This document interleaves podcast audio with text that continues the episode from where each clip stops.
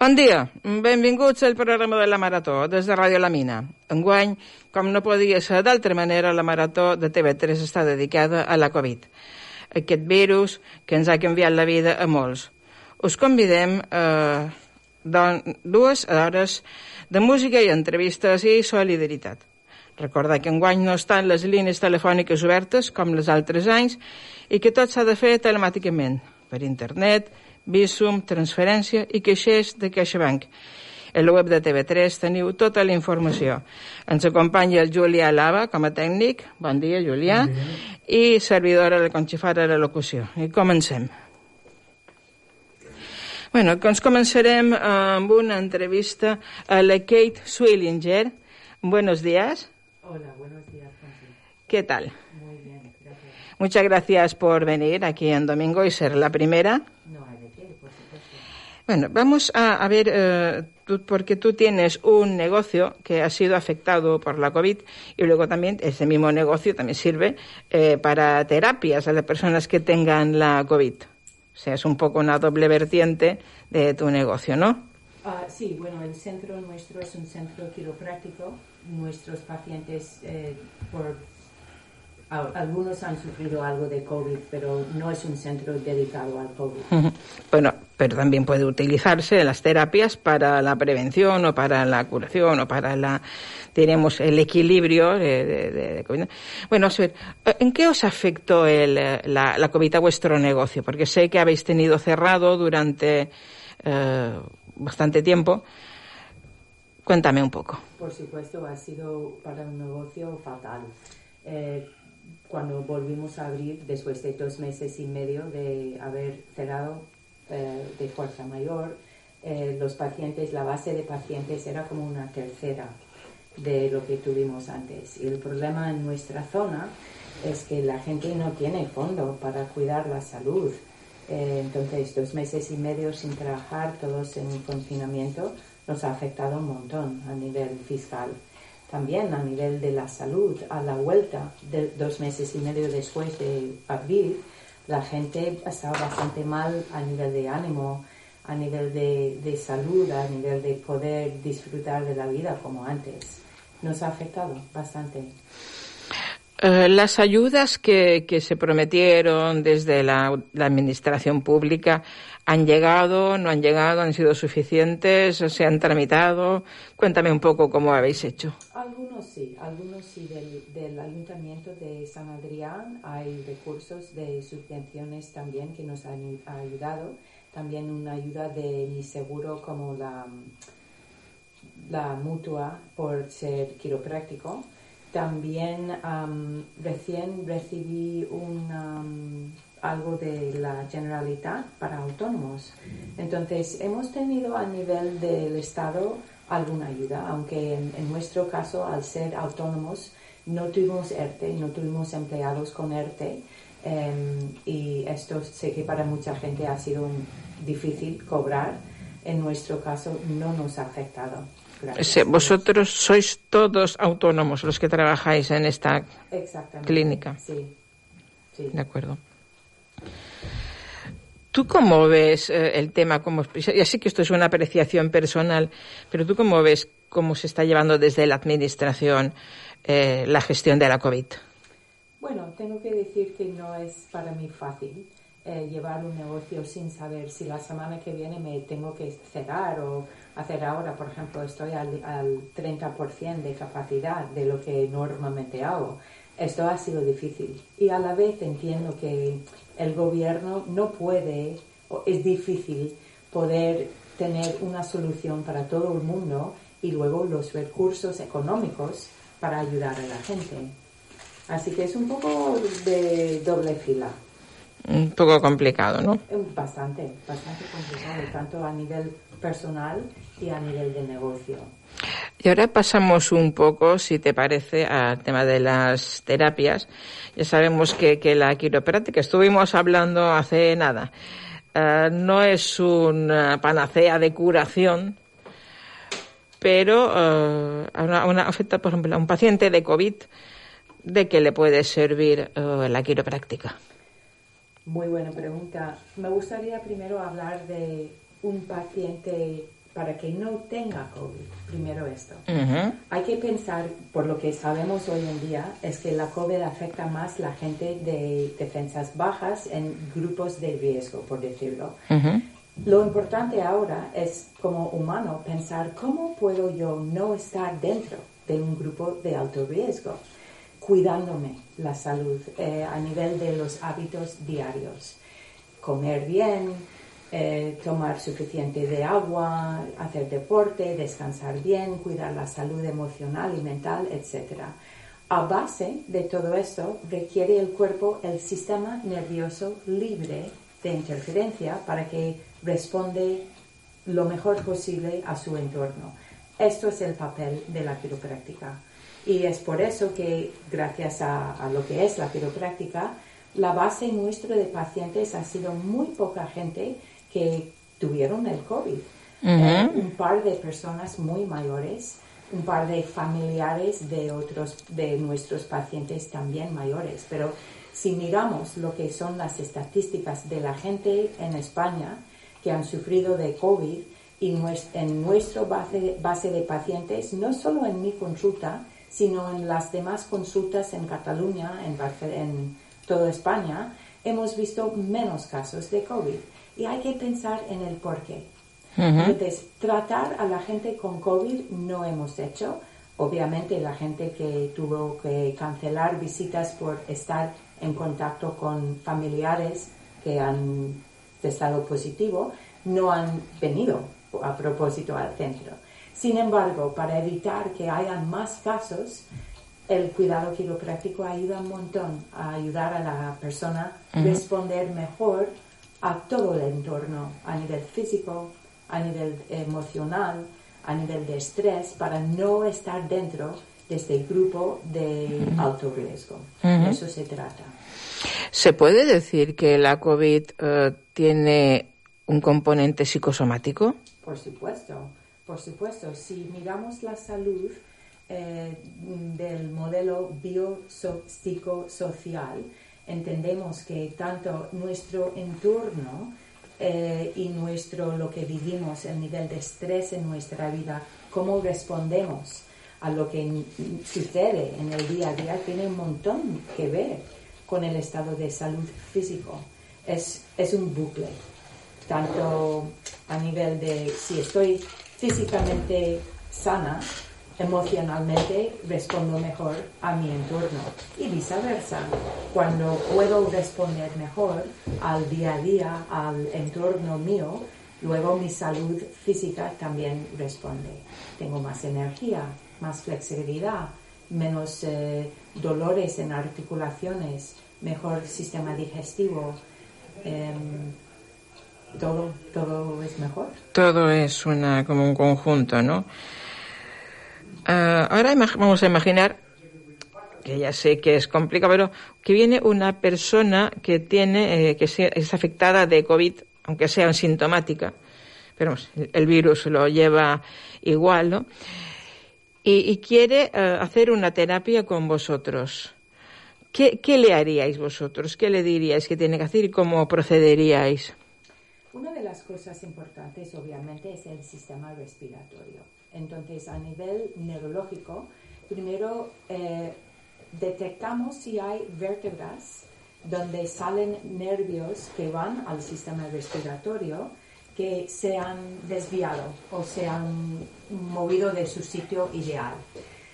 También miramos las altas cervicales para, para que el cuerpo pueda responder a nivel de la médula y el cuerpo. Entonces, mirando el sistema respiratorio, mirando lo que son los nervios que enervan los pulmones, bronquios y todo eso, y también el- la capacidad del cuerpo de aumentar el sistema inmunitario. Esto es clave.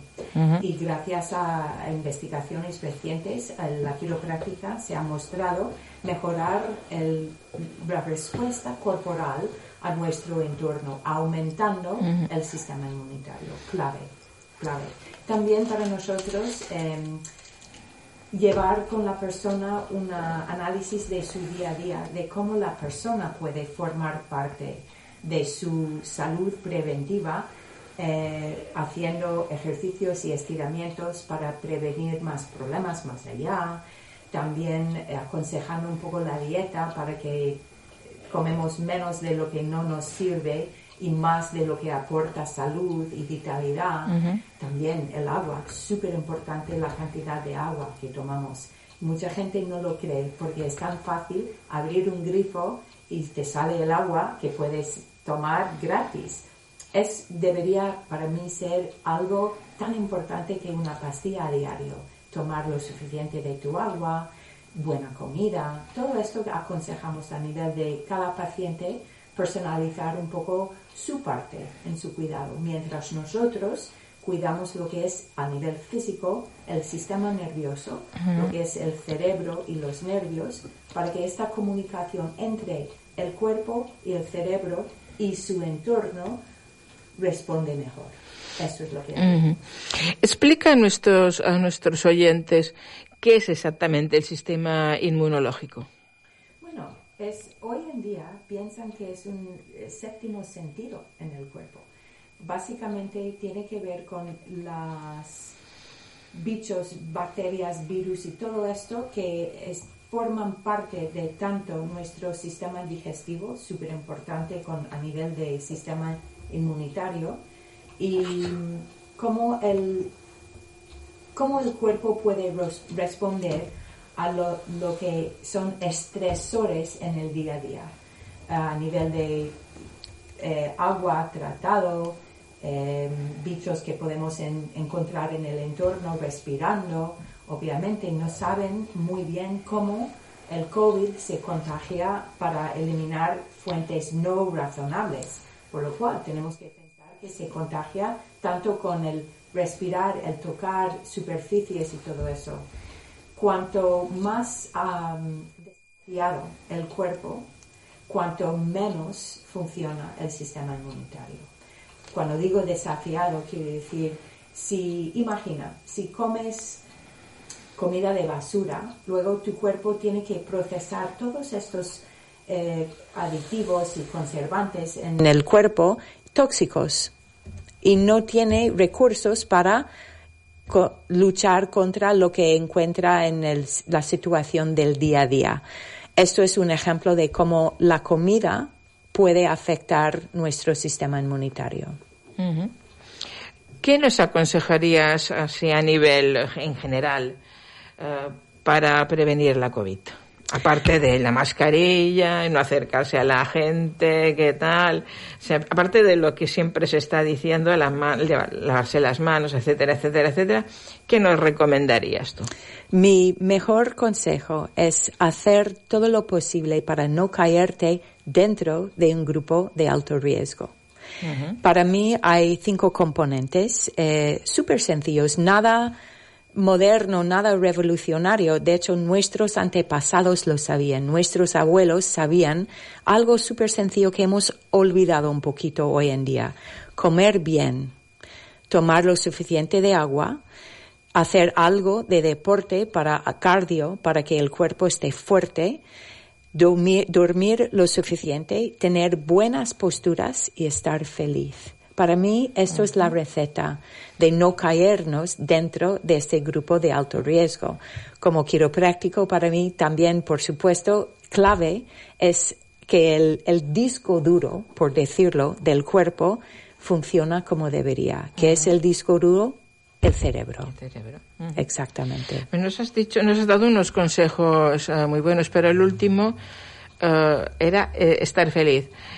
¿Esto cómo se consigue? Porque si con la vida que llevamos hoy en día, eh, ¿cómo se puede conseguir? Yo te lo agradecería tantísimo que me lo dijeras porque también lo pondría en práctica. Bueno, me encanta esta pregunta porque es realmente sencillo estar feliz haciendo dos cosas, no más. Uno, saber lo que te hace feliz. Puede ser leer, puede ser caminar en la playa, puede ser parapenting pero sabiendo lo que te hace feliz y hacerlo a propósito, cada día o cada semana, pero no esperar que algún día lo haré, no, no, hoy. Y hazlo con intención, porque Cuando estamos felices, el cuerpo suelta hormonas y endorfinas para avisarnos de que estamos bien y siguen en producción hasta un cambio de humor. Alimentan todos los órganos, todos los eh, tejidos, ahora se alimentan de esas endor- endorfinas buenas. También lo contrario es cierto. Cuando no estoy feliz, son otras hormonas y endorfinas que alimentan todos mis órganos y mantienen en producción hasta un cambio de humor. Entonces, si me dejas a mí escoger, yo quiero ser feliz. Eh, Por supuesto. Todo el Yo mundo, quiero estos, las endorfinas buenas. A veces tenemos que fingir. Es cierto que si tú te levantas cada día con la intención de estar feliz, pero te dicen mañana que eh, te echan del trabajo y Hacienda te hace una inspección, ¿cómo vas a estar feliz ese día? Sí, desde luego. hay que fingir a veces. Cuando digo fingir, esto es cuando tú harás lo que te hace feliz. Por ejemplo, para mí es patinar. Me encanta patinar. Pongo mis eh, auriculares y voy por el paseo marítimo con la música. Acabo sonriendo tanto que el viento me seca los dientes y no puedo cerrar los labios de no sonreír. Así que, aunque no empecé de patinar feliz, acabo feliz. Y esas endorfinas me llevan más allá, más feliz.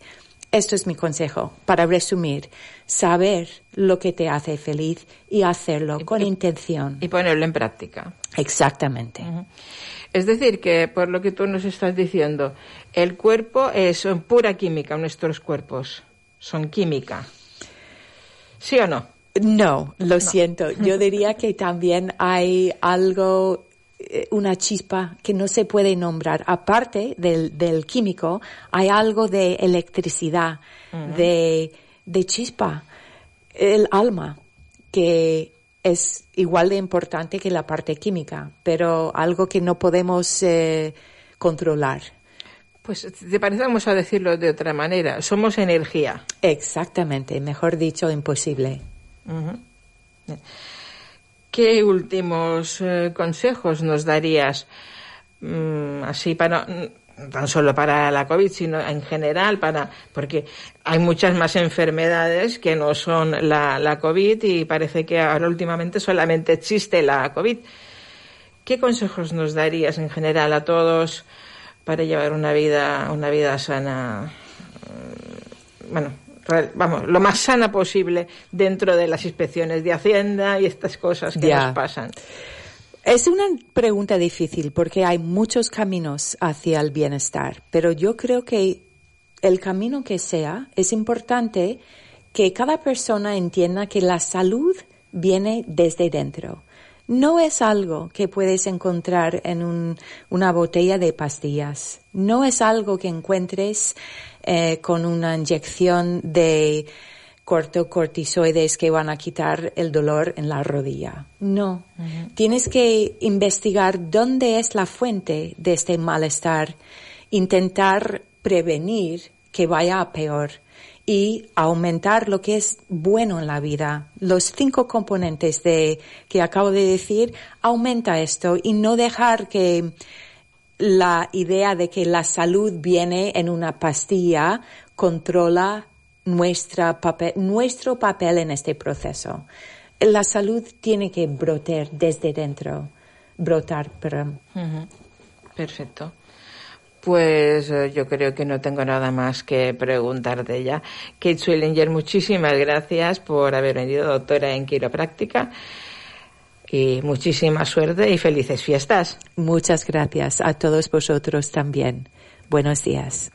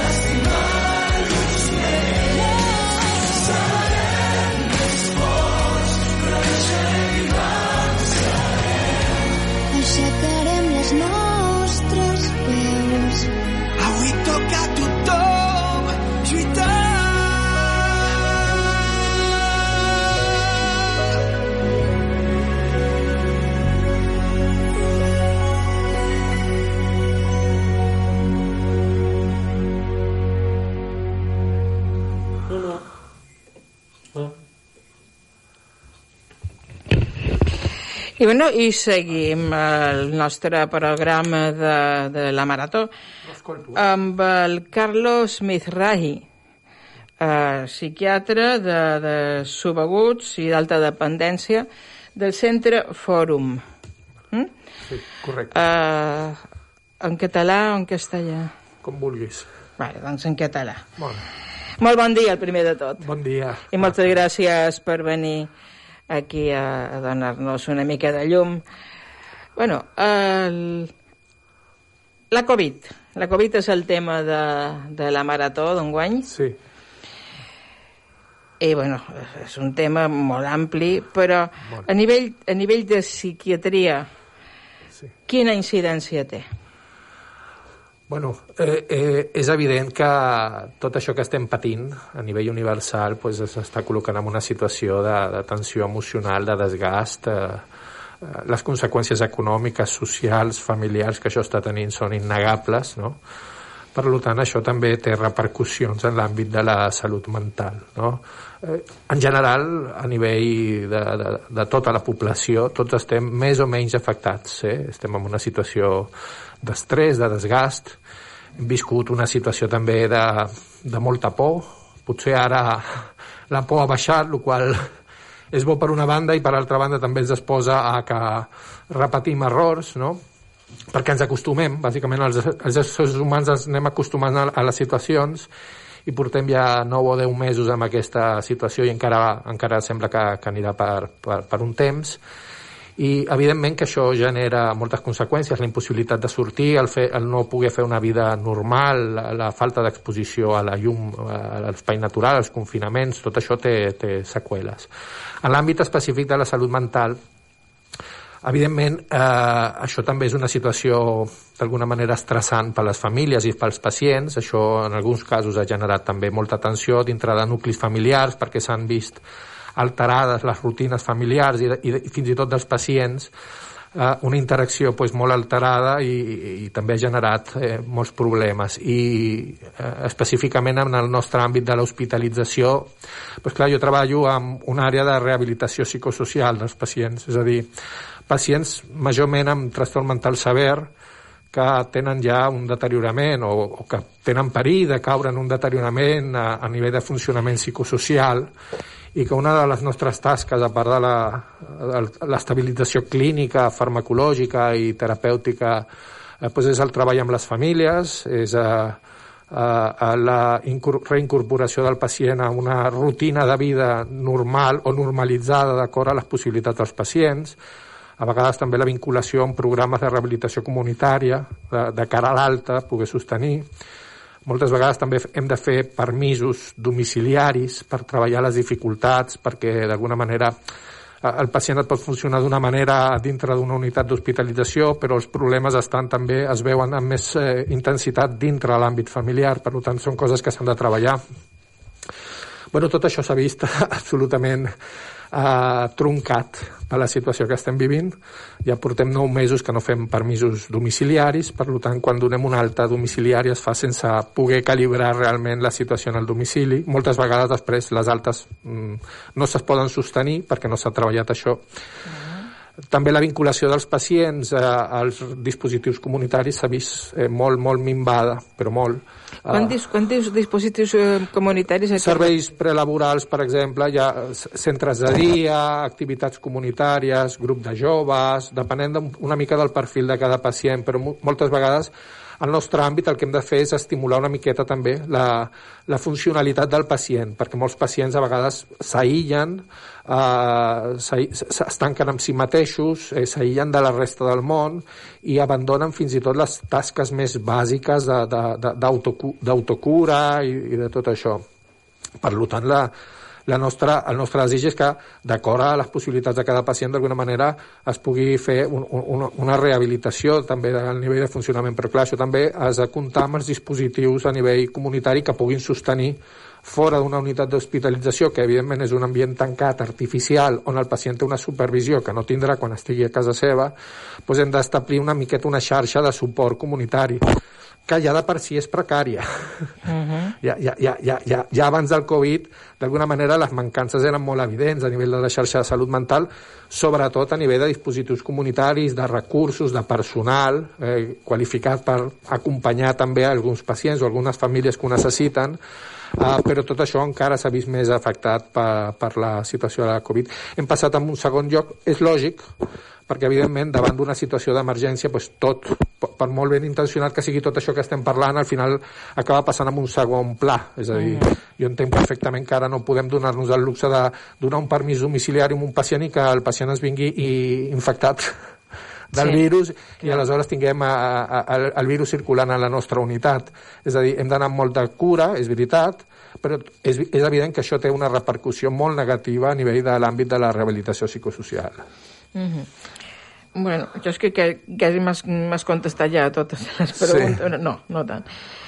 Aviam, les persones que, que tenen un eh, trastorn sever, jo supos, suposo que, que ha, cada maestrillo tiene su librillo, que cada persona reacciona diferent, no?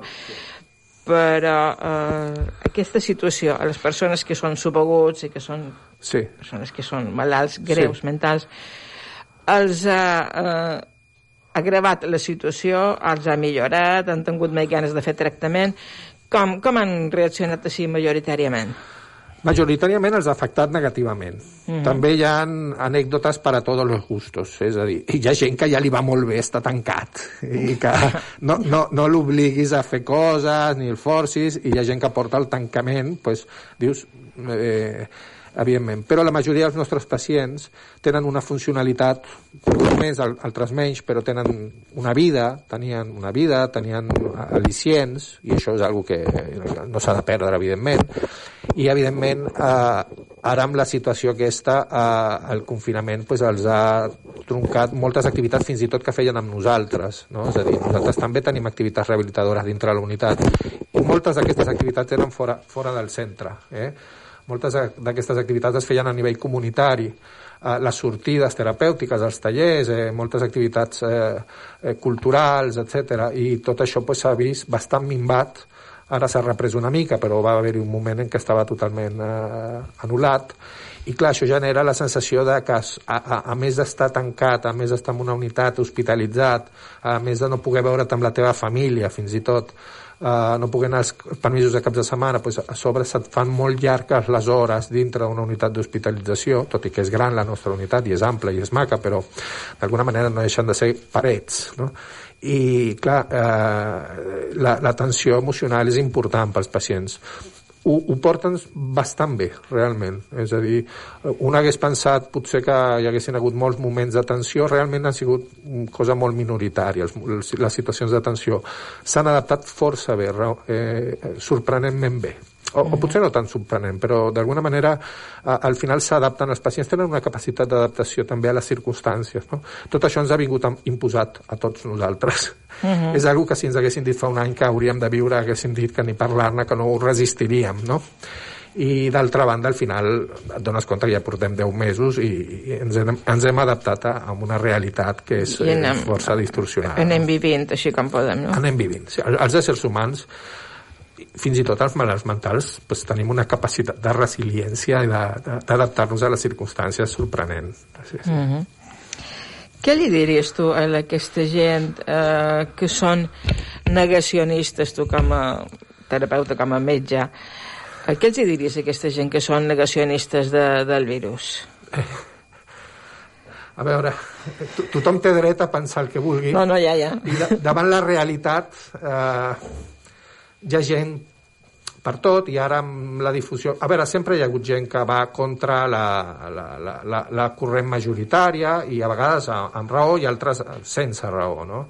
És a dir, això és una realitat, ens agradi o no és una realitat. Negar-lo és negar la realitat, no? I una definició de la malaltia mental pues, justament és eh, un conflicte sever de la persona amb la realitat exterior, o d'alguna manera és la teva realitat interna la que determina els teus actes i els teus pensaments i els teus mm. sentiments. Uh -huh. Per tant, s'hauria de valorar una miqueta, pues, clar, evidentment són lliures tothom de pensar el que vulguem, però d'alguna manera la reflexió és mm, ens agradi o no, has de valorar la realitat tal com la realitat és, no com voldríem que fos. Uh -huh. La realitat té molts matisos, la realitat té moltes interpretacions. El que hi ha darrere d'això també poden sorgir moltes teories, però la realitat és que més enllà del que sapiguem és el que hi ha. I a vegades també volem escoltar només el que d'alguna manera reafirma el que volem creure, no? i home, s'ha de ser una mica obert, escoltar les coses i després mirar de fer-se cadascú la seva, la seva opinió. Sempre serà lliure tothom de pensar una mica el que vulgui, això no, no, afortunadament no es pot... Clar, clar però crec que hem de ser també una mica responsables perquè és un problema de salut pública ens estem jugant molt eh, eh, eh, i d'alguna manera les actituds individuals en aquest cas doncs d'alguna manera sí condicionen el benestar col·lectiu no? i hem de ser una mica com a mínim responsables cadascú té dret a tenir les seves teories sí. o a escoltar les teories que li vingui d'haver escoltar però home, hem de ser també realistes amb el que, lo, lo que tenim, la realitat real que sí. estem patint. Però, però no tenen dret a jugar amb la salut dels altres. Cap ni un, cap ni un. A veure, eh, oficialment portem la vora dos milions de morts a nivell mundial, oficialment. Eh? Eh, segurament són molts més. Eh? Eh, aquí a Espanya portem ja, no sé si oficialment, la vora 50.000 morts, segurament molts més també. Vull dir, mm. eh, és, és, és terrible, és una realitat que és evident. Els metges que treballen amb serveis de pneumologia, amb serveis de cuidados intensius i tot això et poden donar fe de que això és real, de que això no és cap invent. Per tant, negar l'evidència no, no té cap sentit. Això existeix. Altra cosa és que un vulgui tenir les seves interpretacions de com hem arribat a, o per què estem patint això o què hi ha al darrere d'això, o si la vacuna sí, o si la vacuna... Però la realitat és la que és. Uh -huh. Jo et volia preguntar, eh, Carlos, si tu ara durant el, el temps més dur del confinament, sí. si se pot dir que ha estat el temps més dur, març, abril, sí. vas estar allà a primera línia sí. treballant. Sí però uh, amb salut mental. Eh? Sí, no, sí, sí. Els psiquiatres no hem sigut, eh, evidentment, perquè ja d'alguna manera ens anem deslligant una miqueta de la pràctica dels cuidados intensius o de la infectologia, etc etc. Per tant, no hem estat a primera línia en contacte amb el virus al, al psiquiatre. No? Si és veritat que va haver-hi un moment en què va haver-hi un desgast del personal i, i tot això que els residents més joves i el, els adjunts més joves van recolzar una miqueta a nivell d'unitats de, de, de, de Covid, però amb el seu lloc, perquè no som, diguem-ne, la primera línia de foc en aquest sentit. No? I el nostre paper també ha sigut una miqueta de suport. Es van fer programes de suport emocional pels professionals també, encara estan més o menys vigents, aquests programes de psiquiatria i psicologia, per donar-los un espai a la gent que ha estat en primera línia de foc, que realment ha, suf ha sofert un desgast físic, mental, familiar, eh, molt, molt dur. Molt més dur que el de nosaltres, segurament.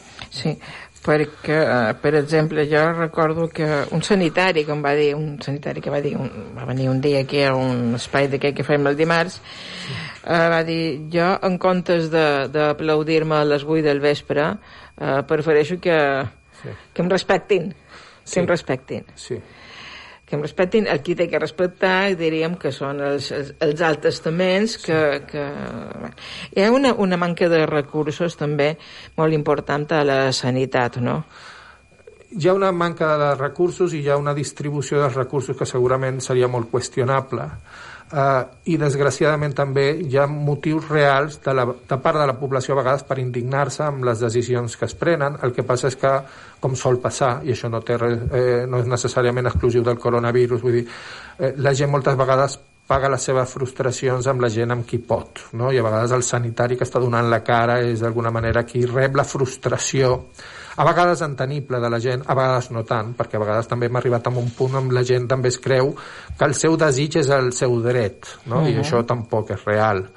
Uh, però certament la gent, amb les mancances i les frustracions que el, el sistema sanitari els genera moltes vegades, doncs a vegades bueno, la seva frustració pues, la descarguen amb la persona amb qui és accessible, perquè realment els gestors de salut i els polítics això, eh, no estan accessibles a la gent per dir-los a la cara el que, el que els ja. dirien i aleshores qui rep és normalment la primera línia de foc. Nosaltres som víctimes una miqueta de les tropelies, entre cometes, dels nostres polítics i dels nostres gestors i aleshores també som eh, receptors a vegades de l'atac i la, la frustració de la població o de la gent que se sent una miqueta indignada en certes circumstàncies. Però som una miqueta el, el que paga el pato, no, no som...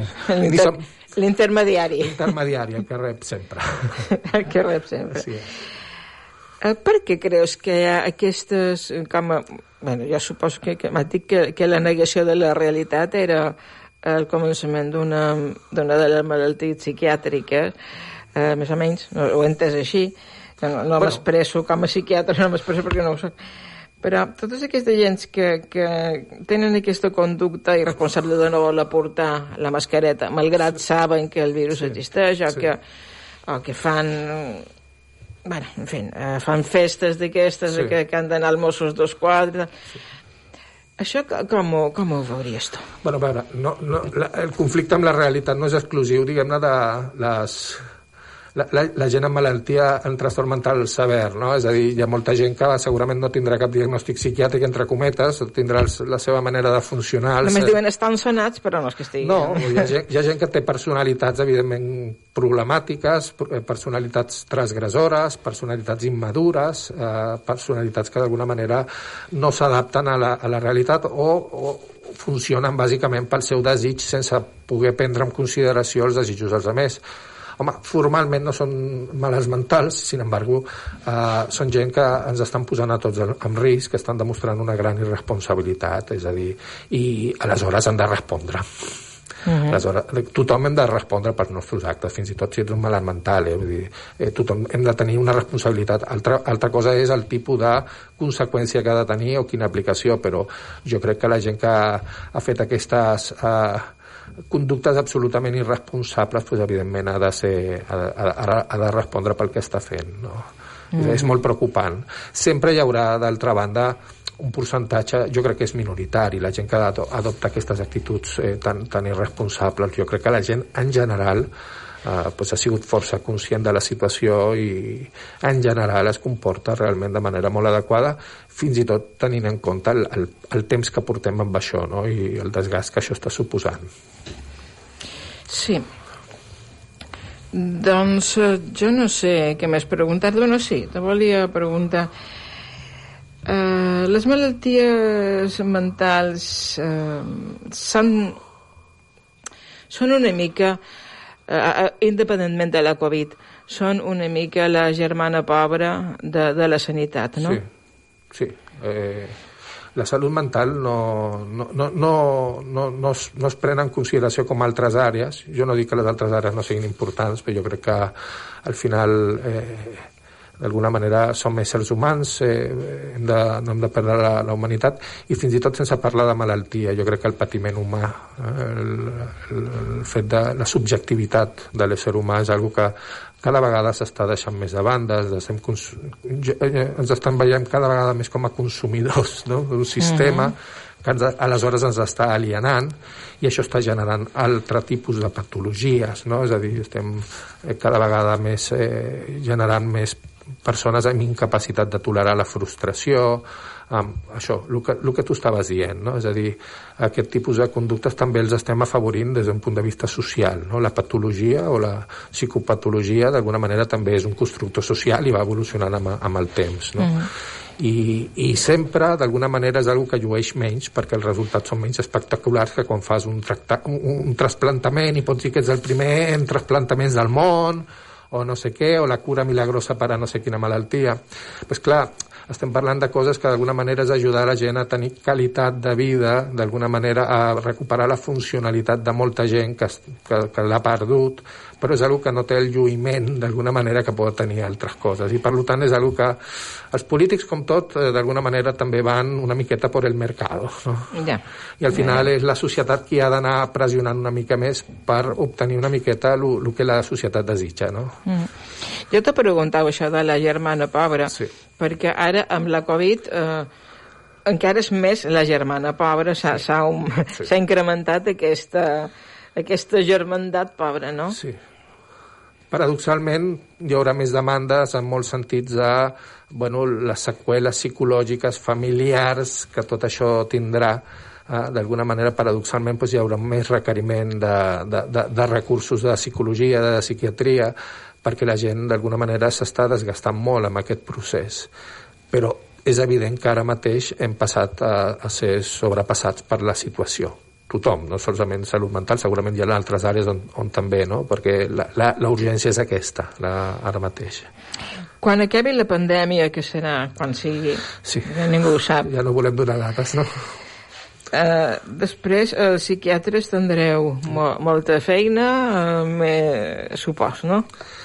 Sí, hi, ha, hi, haurà, hi haurà conseqüències directes i indirectes a, del que estem patint. També és veritat que al final, la, com, a, com a tota situació traumàtica global eh, important, també pues, la gent torna una miqueta als seus equilibris. No? I hi haurà algun percentatge de la gent que requerirà també és, algun tipus de seguiment, que bueno, ha sigut, això ha sigut un desencadenant important. No? Uh, però al final la majoria de la gent tornarà a una relativa normalitat i reprendrà la seva vida més o menys com la teníem abans d'això mm. no? amb, amb els canvis que potser se'ns imposin per la realitat, que no sabem totes aquestes coses després poden deixar canvis de funcionament social que, que queden de manera més o menys permanents però anirem, anirem recuperant la, la, la normalitat sí, segurament hi haurà una demanda també pues, d'ajuda psicològica, d'acompanyament quadres d'ansietat quadres eh, depressius, etc perquè sí, perquè és una situació que evidentment ens ha trastocat molt. És com una guerra de baixa intensitat, això.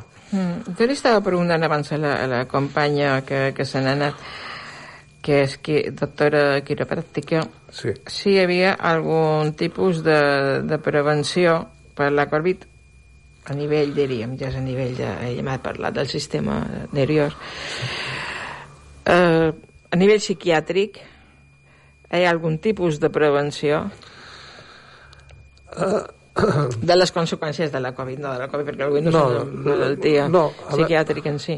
Jo, jo crec que el que hem de fer és primer s'ha de veure també com funcionàvem abans de la Covid, no? És a dir, hi ha gent que d'alguna manera eh, la Covid ve a greujar la situació precària, lo millor en la qual ja, ja vivia, no?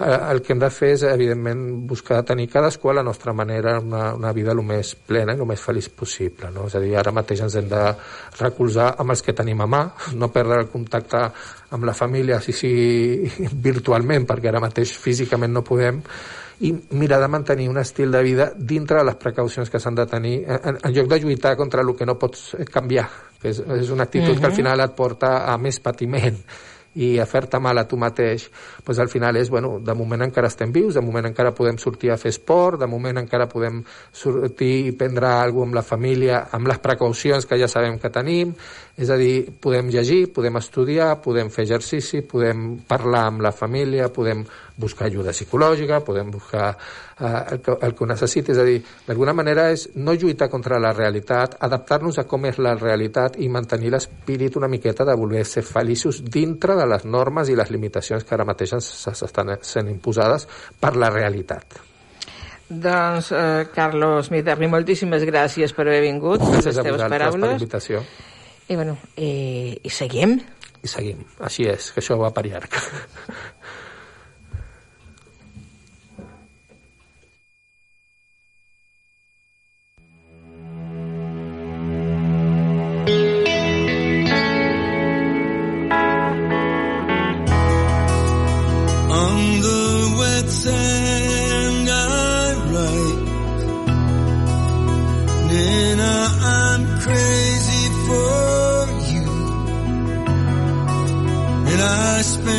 days Waiting for